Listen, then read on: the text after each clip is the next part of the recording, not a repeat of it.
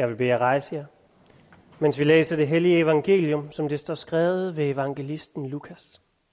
Til nogle, som stolede på, at de selv var retfærdige, og som foragtede alle andre, fortalte Jesus denne lignelse. To mænd gik op til templet for at bede. Den ene var en fariser, den anden en toller. Farisæeren stillede sig op og bad således for sig selv. Gud, jeg takker dig, fordi jeg ikke er som andre mennesker. Røver, uretfærdige, ægteskabsbrydere, eller som tolleren der. Jeg faster to gange om ugen, og jeg giver tiende af hele min indtægt. Men tolleren stod afsides og ville ikke engang løfte sit blik mod himlen, men slog sig for brystet og sagde, Gud, vær mig sønder nådig. Jeg siger jer, det var ham, der gik hjem som retfærdig, ikke den anden. For enhver, som ophøjer sig selv, skal ydmyges, og den, der ydmyger sig selv, skal ophøjes. Værsgo sidde.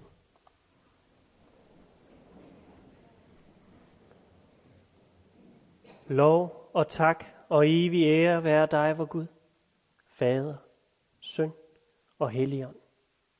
Du, som var, er og bliver en sand i Gud, højlået fra første begyndelse, nu og i al evighed. Amen.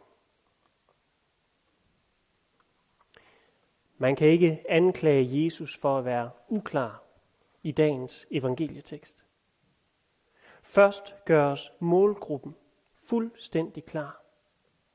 Til nogle, som stolede på, at de selv var retfærdige, og som foragtede alle andre. Og han runder også sin lignelse af med at gøre budskabet helt tydeligt. Det er tolleren, den ydmyge, der går hjem som retfærdig. Og dermed så virker det hele jo ret så lige til.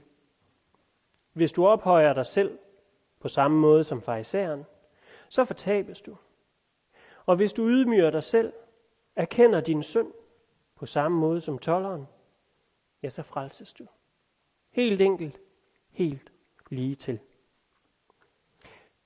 Og så er det jo, at tanken melder sig. At når jeg nu udmærket er klar over, at jeg er en sønder, ja, så kan jeg jo heldigvis finde trøst i og takke Gud for, at jeg i det mindste ikke er som farisæeren der.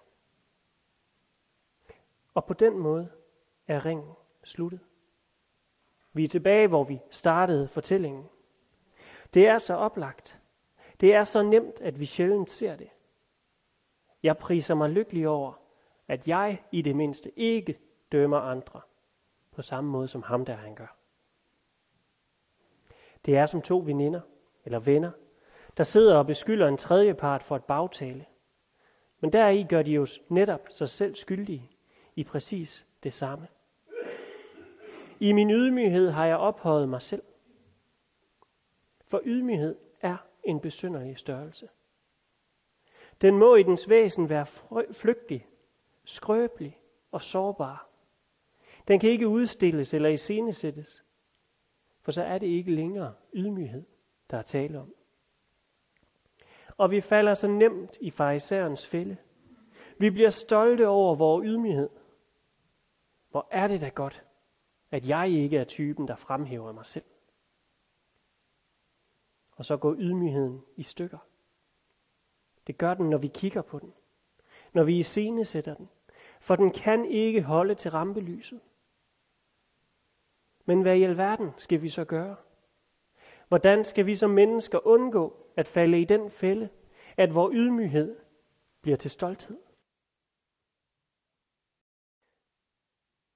Når man kigger på, hvordan H.C. Andersen illustrerer ydmygheden, så er det bemærkelsesværdigt, at det for ham handler om, hvorvidt fokus er indad på selvet, eller om det er rettet ud mod verden og den skaber.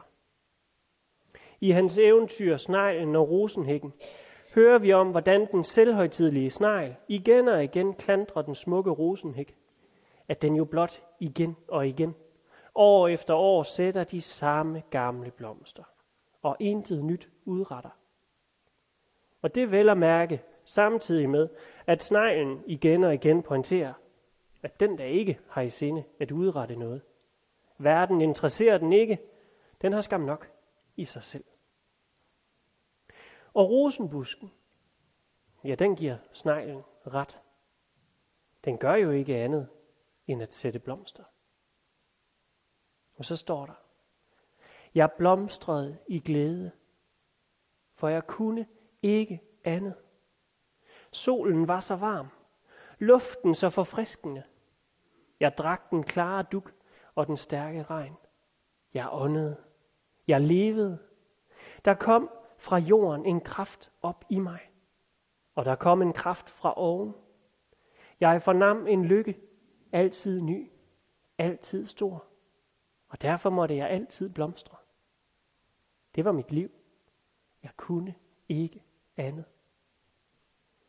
Og så fristes man jo til at prise rosenbuskens præstationer. For de smukke roser gør der for de fleste meget mere glæde end havens snegle. Men H.C. Andersen skriver ganske dybsindigt til sidst. Årene gik. Sneglen var jord i jorden. Rosentræet var jord i jorden. Til sidst viser det sig, at både snegl og rose er lige. De er begge formuldet blevet til jord i jorden. Og det er en overraskende slutning. For det havde da været nemt, og måske mere glædeligt at skrive, at årene gik, sneglen var jord i jorden, men rosenbusken blomstrede ufortrødent. Eller måske gå endnu mere romantisk til det og sige, at rosens blomster led videre i pigens minder om sin brudebuket. Men nej, H.C. Andersen bliver pragmatisk. Rosen gik til, sneglen gik til, og det var så enden på historien. Hele vejen gennem eventyret fastholder rosen sin ydmyghed. Den fastholder et fokus på, at det vigtige kommer udefra. Der kom fra jorden en kraft op i mig. Der kom en kraft fra oven, og derfor måtte jeg blomstre. De smukke roser med den skønne duft er smukke og skønne i kraft af det, Gud giver. Ydmyghed er altså at flytte fokus væk fra sig selv, og i stedet flytte det over på Gud. Fariseren, ja hans fokus var på sig selv, sine egne præstationer, sin faste, sin tiende. Tolleren, ja hans fokus var på behovet for Guds nåde. Og det samme har Paulus. At Guds nåde er jeg, hvad jeg er, skrev han i brevet til Korinth. Det sætter os alle sammen på en knivsæk. Vi skal være ydmyge, men griber vi ud efter ydmygheden, fordufter den for øjnene af os. Vi må i stedet som tolleren gribe ud efter noget andet. Gribe ud efter Guds nåde og vide os afhængige af den. Af Guds nåde er jeg, hvad jeg er, skrev Paulus. Og i H.C. Andersens eventyr er rosen godt klar over, at den af og til spreder glæde. Og det glæder den sig over. Men den kender ophavet til alt det gode. Og på samme måde er Paulus godt klar over, at han har en vigtig rolle at spille som apostel. Og derfor kan han sige, hans nåde imod mig har ikke været forgæves. Han lyder næsten stolt. Men jeg tror faktisk også godt, at man kan være stolt og ydmyg på samme tid.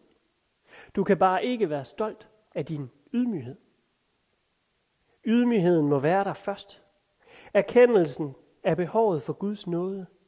Erkendelsen af, at alt hvad vi har, har vi fået givet. Det er grundlæggende. Og det er det, der gør, at tolleren bliver frelst. Men når så ydmygheden er udgangspunktet, så kan man, som Paulus og som rosenbusken, være stolt af det, man får lov at udrette ved Guds kraft. Det, man får lov at være en del af. For det er vores plads her i verden. Rosen kunne slet ikke lade være med at blomstre, fordi den mærkede Guds kraft i sig. Og derved udrettede den så meget godt, spredte så meget glæde. Vi er også sat her på jord, for at glæde os og sprede glæde i andres liv. Prædikeren i det gamle testamente går på jagt efter meningen med livet, men han må konkludere, at intet er bedre for mennesket, end at være glade og finde lykke i livet. Men at menneskene kan spise og drikke og nyde frugten af deres slid, det er en gave fra Gud.